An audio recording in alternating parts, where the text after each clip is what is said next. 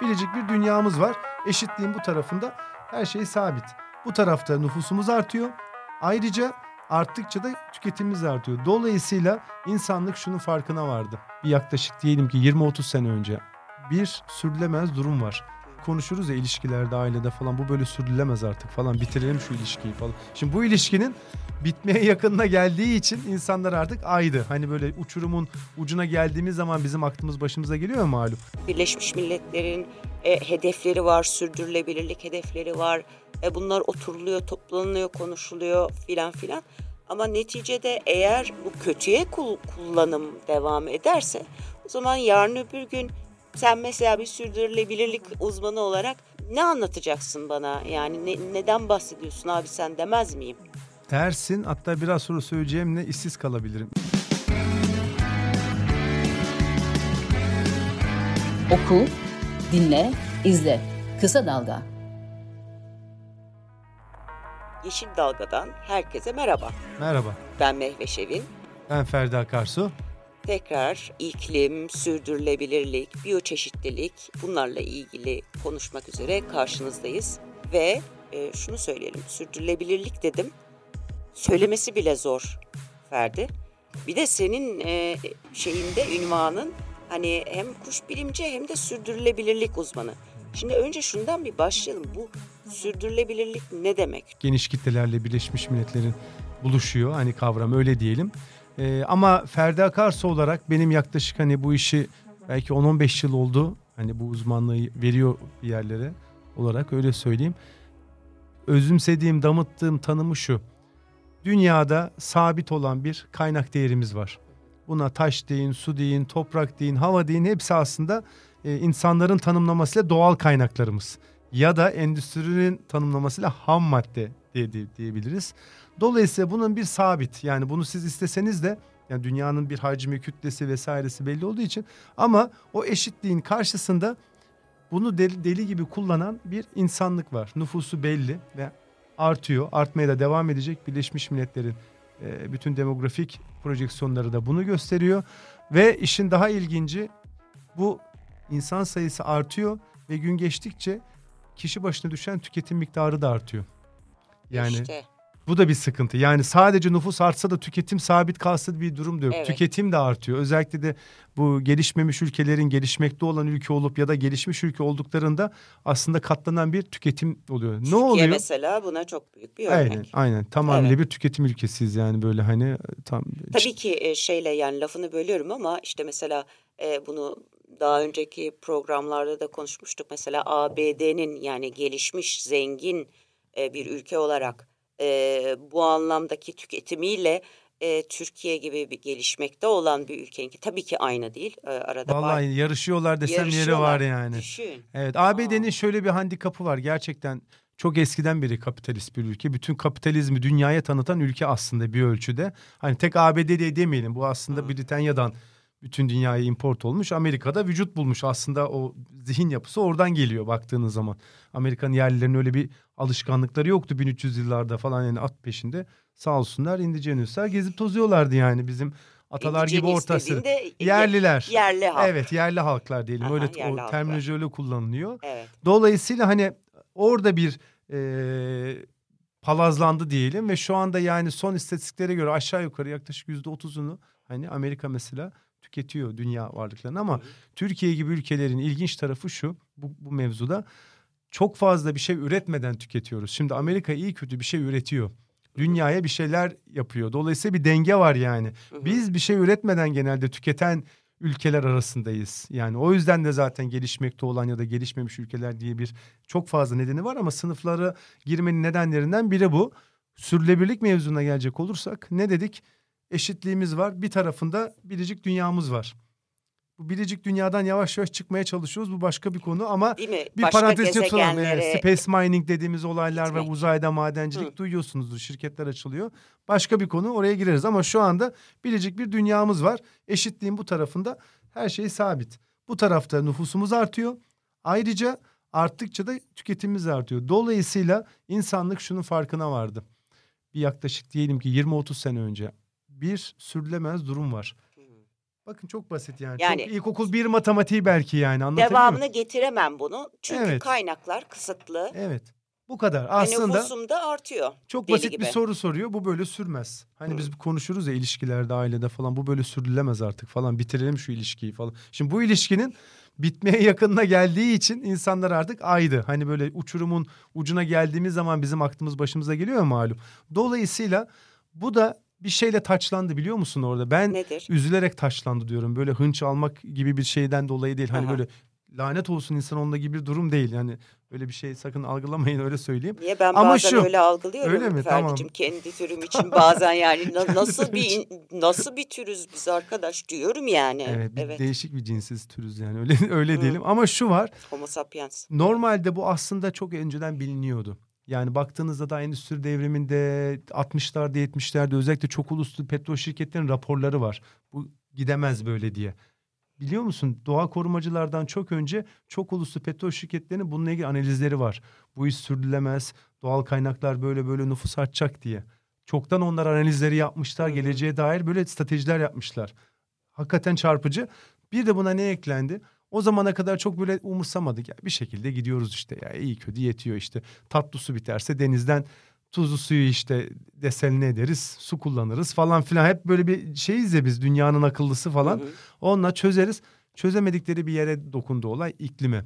Hı. Aslında doğal kaynak yok olduğu anda bir yandan da iklimi de etkilediği görüldü ve iklim için çözüm bulamadılar işte. Sıkıntı orada. Orada patladı diyorsun. Orada patladı. Orada Ha. zurnanın zırt Burada dediği yer oldu. Ne yaparsak yapalım hani Evet. burada e, e, bize hepimize zarar verecek bir e, süreç. Evet başladı. hepimizden kasıt ne biliyor musun Hı. aslında? Bu böyle birazcık solcu sayıklarla söylediğim bir şey değil yani böyle Hı. düşünmeyin. Hani böyle hep derdimiz vardı ya dünyayı 8 adam yönetiyor, 8 kadın, 8 şirket, 8 bilmem ne böyle 5'li çete o bu falan. İşte bu gelir uçurumundan Evet ondan bahsediyorum ama iklim krizi günün sonunda onların da bahçesine dolu yağdırıyor.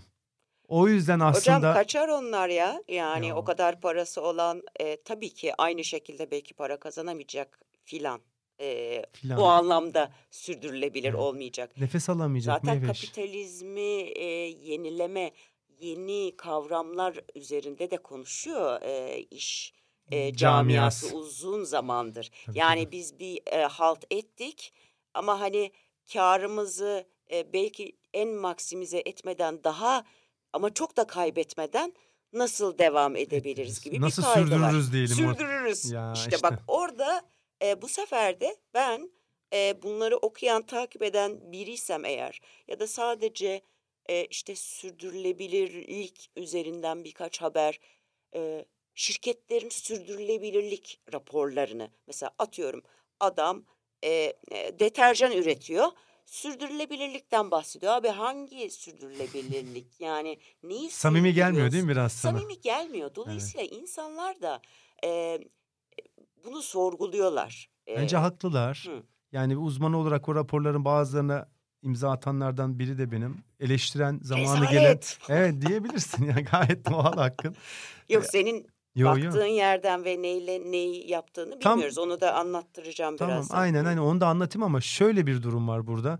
Birincisi gerçekten bu greenwashing ve mış gibi de- dedik yani olayı var. Bunu bilelim. O yüzden halk böyle haksız değil. Şüphelenmekte. Zaten şüpheci olmakta hiçbir sıkıntı yok. Her zaman şüpheci olunsun yani. Onda bir de durum yok. Ne yazık ki bu yapılıyor. Onu söyleyeyim.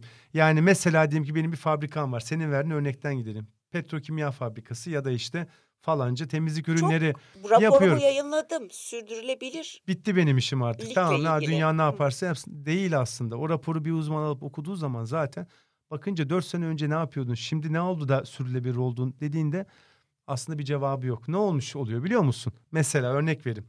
Fabrikanın elektriğini eskiden tamamıyla e, hani sürdürülebilmeyen kaynaklardan alıyormuş. Diyelim ki yüzde kırkını artık güneş enerjisinden almaya başlamış. Tamam demiş ben çözdüm bu işi bitti benim işim. E ne oldu kimyasalların? Arıtma tesisinin ne oldu? Suyu nereden alıyorsun? Suyu nereye deşarj ediyorsun? Geçmiş olsun. Onu da yapacağız bir ara ama bakın raporumuz var. Şimdi bunlara bence olmasın doğru değil. Kendim işin içinde olan biri olarak söylüyorum. Bu tamamıyla öyle bir şey. Bunu hakkıyla yapmaya çalışan şirketler yok mu? Var. Hani doğru yapana da doğru söylemek lazım. Ama büyük bir çoğunluğu öyle mi yapıyor Ferdi dersen üzgünüm ama moda gibi bir şey oldu. Ha. Moda yani.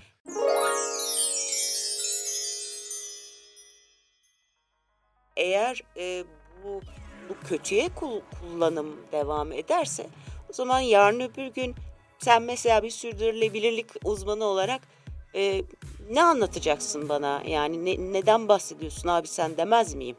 Dersin hatta biraz sonra söyleyeceğimle işsiz kalabilirim istiyorsan hazırsan Oh, hadi söyleyeyim o cümleyi yani bundan sonra bana bakacak olmak zorunda kalabilirsin. Hayır, hayır. Yani ona hazırsan söyleyeyim hemen.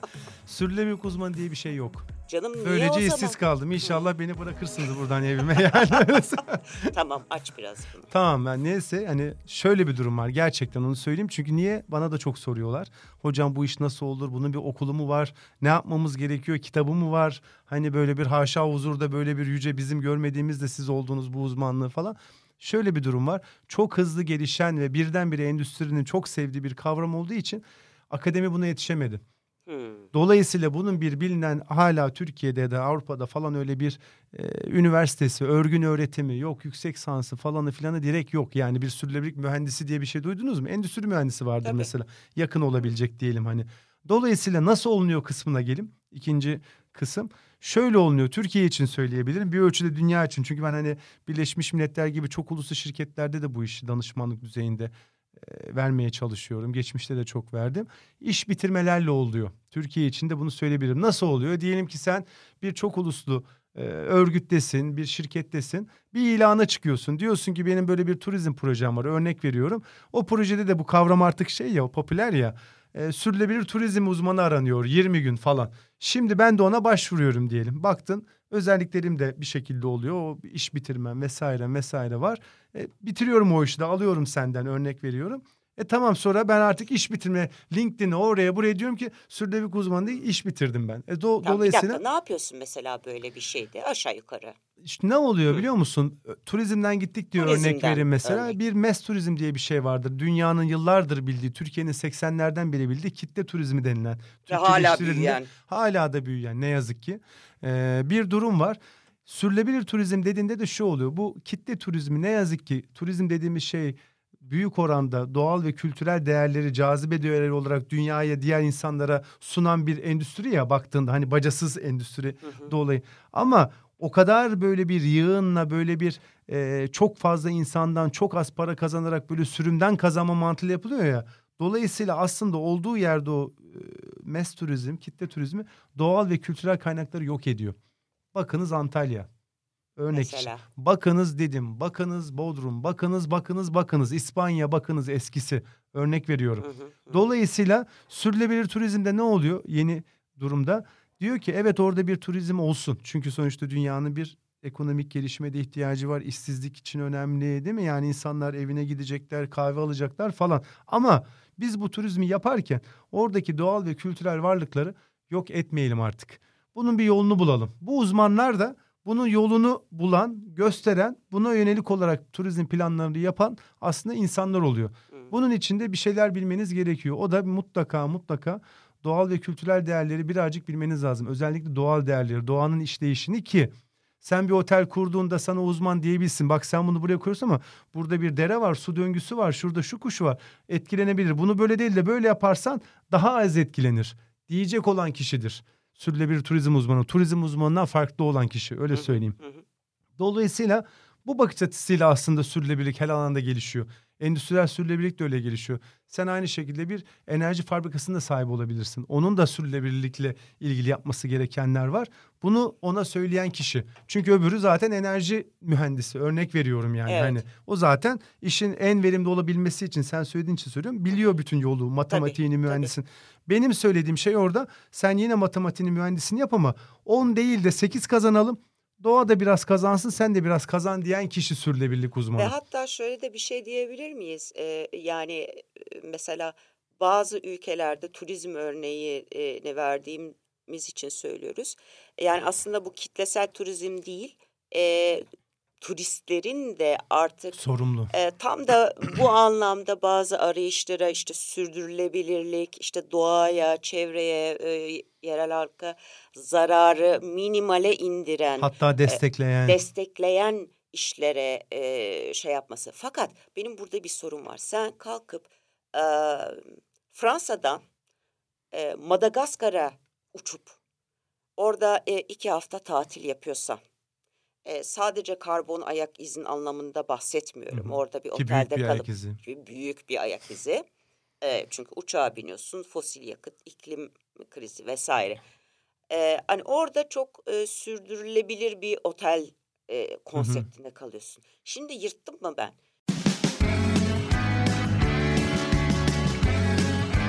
Oku, dinle, izle. Kısa Dalga. Ben zaten başlı başına bu seyahati yaptığım zaman sürdürülemez bir şeye e, Hemen cevabı hazır yırtmadın. Geçmiş olsun. Ne? Yırtmadın. yırtmadım peki. Ben nasıl kendimi işsiz bıraktım sen de yırtmadın yani. Bugün birbirimizi gömelim. Madem öyle bir Gömelim, gü- gömelim, günümüz tamam. olsun. Bugün şöyle bir durum oluyor. Derdimiz aslında Mehveş hep bir yerlerde hep konuşuyoruz bunu diğer programlarda da.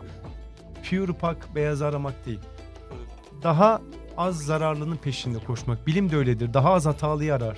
Pure doğruyu aslında hedeflemez yani. Ama o kadar böyle daha Peki az zaten hatalı... pure doğru diye bir şey var mı? Evet. Yani o da bir felsefik bir tartışmaya doğru gidiyor. Evet. Dolayısıyla o Fransız arkadaş oraya giderken eee, orada bir çevreci bir otel yerine bir mes böyle 7 yıldızlı böyle tüketimin acayip olduğu bir otele de gidebilirdi. Onu tercih etmeyip de daha böyle bir sürülebilir bir otele gittiğinde evet yine zararı var ama daha az zararı var. Belki bir sonraki aşamada o dedi ki uçakla gidiyor. Mesela Lufthansa'nın planları var. Yani önümüzdeki 10 yıl için 20 yıl için artık hakikaten fosil yakıt kullanmayan belki elektrikli belki hidrojenli falan ona geçmeyi düşünüyor. Eğer o mesela olursa 3 sene sonra 5 sene sonra o Fransız vatandaş o uçakta benzinli olan uçak yerine elektrikliyi tercih ederse mesela yine bir tık daha az zararlı olacak. Yani derdimiz hep bir tık daha azlarından bir yere doğru götürmek. Yoksa birdenbire o zaman şuna geliyor olay. Hep bana da onu soruyorlar. Bu Fransız tatile de mi gitmesin? Sürdürülebilirlikle ilgili e, yani sürdürülebilir sürdürülebilirlik diye şey. Sustainable sustainability. Allah iyice karıştı işler. Yani Türevinin türevi kendisi midir Ha. Mehveş'cim? Al sana bir Ha. felsefik soru da. Al bakalım, Matematik nasıl? öyle söylüyor. Var mıymış? E, olabiliyor muymuş öyle bir şey? Vallahi çok tartışılan bir şey. Bence de haklı. Yani yine birazcık kendi işimi ve şeyimi gömüyor olacağım ama sıkıntı yok. Ee, biz kavramları yiyoruz. Birincisi bu. Bu sürdürülebilirlikte özgü bir şey değil. Çok seviyoruz yeni bir şey üretmeyi. Kendimizi çok zeki görüyoruz o zaman. Bak ne buldum falan ya da bak ben ne Bu uzmanıyım. Pazarlanabilir bu unsur oluyor anladığım Pazarlanıyor kadarıyla. zaten. Pazarlanıyor. Pazarlanıyor. Hı. Bir de şey dinamizm yaratıyor biliyor musun sektörde? Mesela diyelim ki senle bizim şirketimiz var. Ayakkabı üretiyoruz. Herkesin titri bellidir. İşte müdürsündür, genel müdür yardımcısıdır, mühendis. Şimdi ne oluyor? biliyor musun? Sürdürülebilirlik müdürü. Sürdürülebilirlik mühendisi, sürdürülebilirlik proses, sürdürülebilir ekonomi bilmem neyi falan hani. Şimdi kötü bir şey diye söylemiyorum bunu ama Anladım. bir dinamizm ihtiyacının da karşılığı olarak söylüyorum ama bunu yaparken de bunu yapan endüstri şunu düşünsün. Bu kavram yitimi olmasın. Çünkü 10 sene sonra bu sefer başka bir şey bulmak zorunda kalacaklar. O da bizi işte sürdürülebilirliğin sürdürülmesine geliyor Daha hikaye. kısa bir e, şey bulunursa ona belki ama belki de bir kavram bulunmaması daha iyi olabilir bu anlamda bilemiyorum. Vallahi bir şey söyleyeyim mi? Türkçeleşmesinde de sıkıntı olabilir. Yani hani bu işin birazcık da araştırıp bir kitabında Evet. yazan biri olarak söyleyeyim.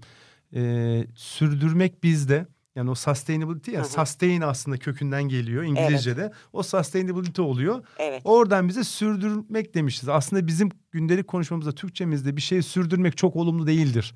Evet. İçinde bir progres yoktur onun. Şey progres İlerleme, gelişim yoktur gelişim. E nedir Evet. o? Bu kitap böyleyse aynısını basalım. Hani devam et sürdürelim bunu. Sürdür abi Evet buradan. sürdür Ha. yani. Sen bu biraz da şeyi et. çağrıştırıyor. Olduğun daha da gibi kötü. devam et gibi Evet. bir şey değil bir mi? hani üstüne Hmm. bir şey koyma yok. Bir de e, halk arasında şunu çağrıştırıyor. Sündürmek. Heh, Bak bu Yani- çok tehlikeli. bir de şey olarak da kulağa da bir yani fonetik olarak da zorluyor. Söylemesi de zor. Zor zor. Değil mi? evet evet. Ama bak havalı e, holdingler, şirketler, devletler. İşte e, plaza onlar- seviyoruz yani. Yani onlar için e, o oralarda tabii ki bunun üzerinden mesela işte şirketlerin, bankaların, bankacılık sektörü de var bunun içinde her türlü sektörle bağlantılı bir sürdürülebilirlik raporları var. Bir de e, sürdürülebilir kalkınma diye aslında demin söylediklerimize yine bağlanıyor e, Ferdi. Ama yani şurada bir hatırlatmakta fayda var. Sürdürülebilir kalkınma nedir mi diyeceksin yoksa sanat nedir gibi olacak. hayır, hayır. BM'nin e, sürdürülebilir tamam. kalkınma hedefleri var. Bunun içinde yoksulluğa son, 17 açlığa tane, son, oo. E, nitelikli eğitim vesaire. Ama bunun içinde sürdürülebilir şehir ve topluluklar var. Temiz su ve sanitasyon var. erişilebilir ve temiz enerji var. İnsana yakışır bak çok havalı. İş ve ekonomik bir insana yakışır e, nedir? Yani e, onlar da ta- ya bunların hepsi ya da sudaki yaşam. Aslında bizim burada konuştuklarımızın tamamına Arzular e, şelale diyorsun. Arzular şelale ya. Değil mi? Ee, 17'ye bakınca arzular şelale. Tabii amaçlar için ortaklıklar. Evet. De barış, adalet ve güçlü kurumlar kısmı da var. Ki Onu da ki- e, ki ayrıca ayrı bir tabii konu. e, sık sık siyasette de konuşuluyor, konuşulama ayrı. Ama hani böyle o- 17 iddialı, e, güzel ve hatta BM Türkiye bu amaçlara 2030 yılına kadar erişilmesi için desteğini sürdürüyor diyor. Hı hı. E, çok çalışma da var. Biliyor musun bununla ilgili? çok Şimdi olumlu şey de vardır eminim. bu ne bir işe yarıyor onu söyleyeyim sana. Ha, söyle. böyle bakınca hakikaten birazcık böyle şey havalı falan görünüyor. Hı. Okey 17 hedef kareler içinde tatlı tatlı renkler, balıklar falan. Bakınca sıfır sıkıntı. Okey. Şöyle bir güzelliği var. Dünyayı birazcık hedef gösteriyor. Bence en büyük faydası bu. Hedef Yapılır yapılmaz. derken Şöyle bir yani diyor ki ülkelere ben size bir şey çiziyorum bir outline yani bir taslak çiziyorum. Sen ülkeni yönetmede, şehrini yönetmede falan bak bu 17'yi kendini bir şekilde hizalayabilirsin. Anlatabiliyor muyum? Hani çünkü bunlar artık dünyanın bunlar ortak için şeyleri. uğraş biraz Evet bunlar diyor. için uğraş. Bak ben sana bir yol haritası çizdim. Biliyor musun? İlginç bir şekilde işe de yaradı. Artık dünyada da Türkiye'de de örneklerini veririm. E, kentler stratejik planlarını yaparlarken belediyeler ki yasal olarak yapmak zorundalar. Belediyecilik kanunu vesaireden dolayı. Artık gerçekten bu 17'yi baz alarak hatta bazıları buna farklı üstüne ekleyerek de e, stratejik planlar yapıyorlar. Hatta daha da güzelini söyleyeyim. E, bir e, değerlendirme raporları vardır böyle VR'lar dediğimiz böyle kentlerin kendi kendine değerlendirdiği gönüllü değerlendirme raporları. Birleşmiş Milletler'in de desteklediği ilkini New York yaptı. Dünyadan da birçok kent biliyor musun Türkiye'den de yapılmaya başladı. İlk yapan yerde İzmir. Ben de hasbelkader içinde Hı olmak oldum yani bir şekilde. Ee, yani kente kimse sen bunu yap demeden bir zorunluluğu olmadan kendi kendinin karnesini ortaya çıkartma. Ve Evet. bu tamamıyla bunları bu 17'nin Hı. üzerine. Dolayısıyla Birleşmiş Milletler'in burada bence e, yaptığı şey güzel. Ha günün sonunda bunların hepsi yapılıyor mu, yapılmıyor mu ayrı bir tartışma konusu. Ama en azından dünyaya bir gündem getirdi ki şu gündemin içinde. Çok zor bir şey. Yani savaşı var, açlığı var. Yani şimdi onları hiç kim- Ekonomi, iktidar, e, Var seçim, yani. işte adalet arayışı, şu bu, mülteci, göç falan filan. Neresinden baksan hani hakikaten bir şeyin içinde dünyaya bir yol yordan bakın böyle bir şey gibi. O anlamda ben başarılı buluyorum çok açık söyleyeyim. He asıl başarı bunların gerçekten ete kemiğe bürünmesi. O oluyor mu Ferdi dersen Ha. arzular şelale diyelim yeniden. Hani böyle başladık öyle bitirelim yani. Sürülebilir kalkınmaya sen hani ilk başta bir dokundun Evet. onu söyleyeyim. Tamam. Şimdi bu sürülebilir kısmını ayrı düşünelim. Şu Kalkınmayı. kalkınmayı bir düşünelim. Şimdi bu kalkınma sıkıntılı bir şey. Yine bu zamanında üretilen şeylerden biri. Yani bildiğimiz o dünyanın böyle bir Büyüme ki- odaklı, ekonomik büyüme odaklı büyümeye ekonomi ama neyin büyümesi? Şimdi soru burada. Ha. İnsanın refahının mı büyümesi, kapitalin mi büyümesi, şehrin mi büyümesi, ekonominin mi büyümesi yoksa refahın mı büyümesi? Bir şey söyleyeyim mi? Çoğu zaman burada o refahtır ve hikayeleri Tabii. hikaye olarak kalıyor. Ne yazık ki öyle oldu. Zaten o eşittir e, refah diye Evet. algılanıyor. Yani bu dediğin ekonomik büyü- büyüme vesaire Ama değil zaten- işte o. Ha, Ama öyle değil. biraz. Değil. O Okey. niye açayım biliyor musun? Bak bir ülkenin gayri safi milli hasılası arttı diye refah artmıyor. Bunun en Evet. güzel 50 tane örneği var. İşte bak Amerika al dünyanın %30'unu kullanıyor falan filan. Hani öyle refah düzeyine baktığın zaman niye hep Kuzey Avrupa çıkıyor o zaman? Evet. Bak Gibi. soru küçücük bir ülke diyelim Norveç, Danimarka o bu vesaire ya da Yeni Zelanda'dır, İzlanda'dır falan filan. Hikaye birazcık onun dışında bir durum. O şöyle bakmak gerekiyor bütüncül.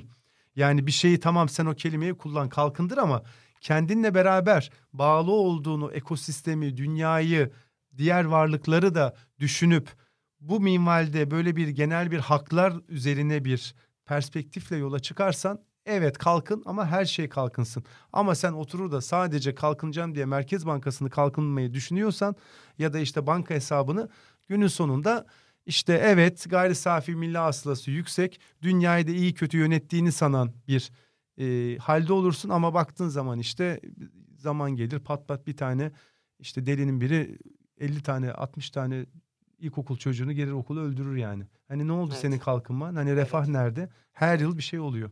Hani Amerika'yı kötülemek için söylemiyorum. Dünyanın her yerinde Tabii bunlar ki. oluyor ama Tabii ki. yani demek ki parayla pulla değil bu olay. Sadece gayri safi milli hasıla işi değil. Merkez Evet. Bankası Fed işi değil yani. Onu söylüyorum. Öyle olmadığının en güzel göstergesi o. Diğer göstergesi de Butan. Hep bu örnek verilir. Costa Rica diğer örnek. Hmm. Mesela küçücük ülkeler, küçücük ekonomileri var ama baktığınız zaman mutluluk endeksleri hep yukarıda çıkıyor. Mutluluk bakanlıkları falan kuruyorlar. Hatta mesela e, Birleşmiş Milletler'e tasarı getiriyorlar varlık hakları ile ilgili. Ne demek varlık hakları? Daha Onu insanoğlu 1940 Hı. küsürlerde 49 galiba yanlış düzelt beni. İnsan haklarını yeni tanıdı. Bak Evet. kendi türüne bile hakkı kölelikten Tabii. tanıyan 1950'yi bile bu- bulmuş 49 olabilir. galiba öyle bir şey 49-50, hatırlamıyorum yani hani öyle o civarlarda düşünen şunu söylüyorum çarpıcı ne kadar daha yeni bak 60-70 sene Evet. olmuş olmamış Evet. hayvanları olan işte biliyorsun haklar falan tartışılıyor konuşuluyor Bunlar da yeni. daha yeni hepsi çocuk hakları hepsi yeni daha kendi türüne düşünsene sokağındaki canlıya hakkı birdenbire bazı ülkeler geliyor bakın bu ülkeler Amerika falan değil Hı. Costa Rica'dır, Kolombiya'dır, odur budur yani böyle Onlar daha küçük ülkeler Birleşmiş Milletler'e en son galiba 2010'da getirdiler önerge. Varlık haklarını tanıdılar bazıları. Evet. Varlık hakkı ne demek biliyor musun? Bu mikrofon, bir varlık. Niye şimdi diyeceksin ki Ferdi ne içtin de geldin buraya? Hiç öyle değil, bir şey de içmedim. Ama senin de hücrenin yapı taşı, vücudunun da bir e, varlık hakkı var. varlık evet niye biliyor musun? Senin de yapı taşın atom, bunun da yapı taşı atom. Geçmiş olsun.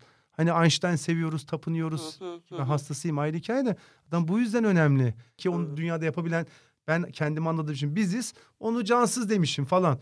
Bu hataya bir kişi daha düştü tarihte. Dünya çok kötü etkiledi. Descartes'in bu türcülük olayı bilirsin. Ha, tabii. İşte bu hayvanat bahçelerinin altyapısını sağlayan hayvanlar birer makinedir acı çekmezdir diye saçma sapan bir şeyle ortaya çıkıp hayvanat bahçeleri gibi tek nedeni bu değil ama hani Hı. o zaman bir felsefi durumu Evet. dile getiren onun yanında da yandaşları Evet. da var neyse sonra düzelmiş etmiş hani Hegel'ler Kantlar vesaire e, takip etmiş böyle ama birazcık şey e, sıkıntılı bir konu bu kalkınma konusu. E,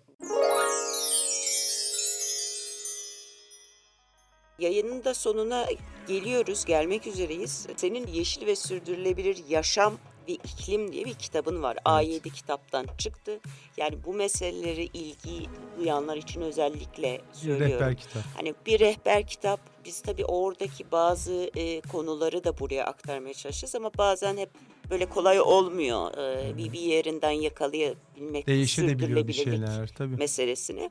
Belki kapatırken e, iyi örnek varsa sürdürülebilirlik hikayelerinden hani e, iş insanlarından olsun, devletlerden, kurumlardan olsun e, onu belki Valla turizmden hemen söyleyeyim bir Hı. tane. Hazır şu anda Söyle. konuşuluyor ya Türkiye'den turizm para geldi güzel Hı. 40 milyar dolar kışında ilk defa devam edecek falan Hı. filan. Hep bir, şu anın Hı. konuşulma şeyi e, gündemlerinden biri. Mesela Costa Rica.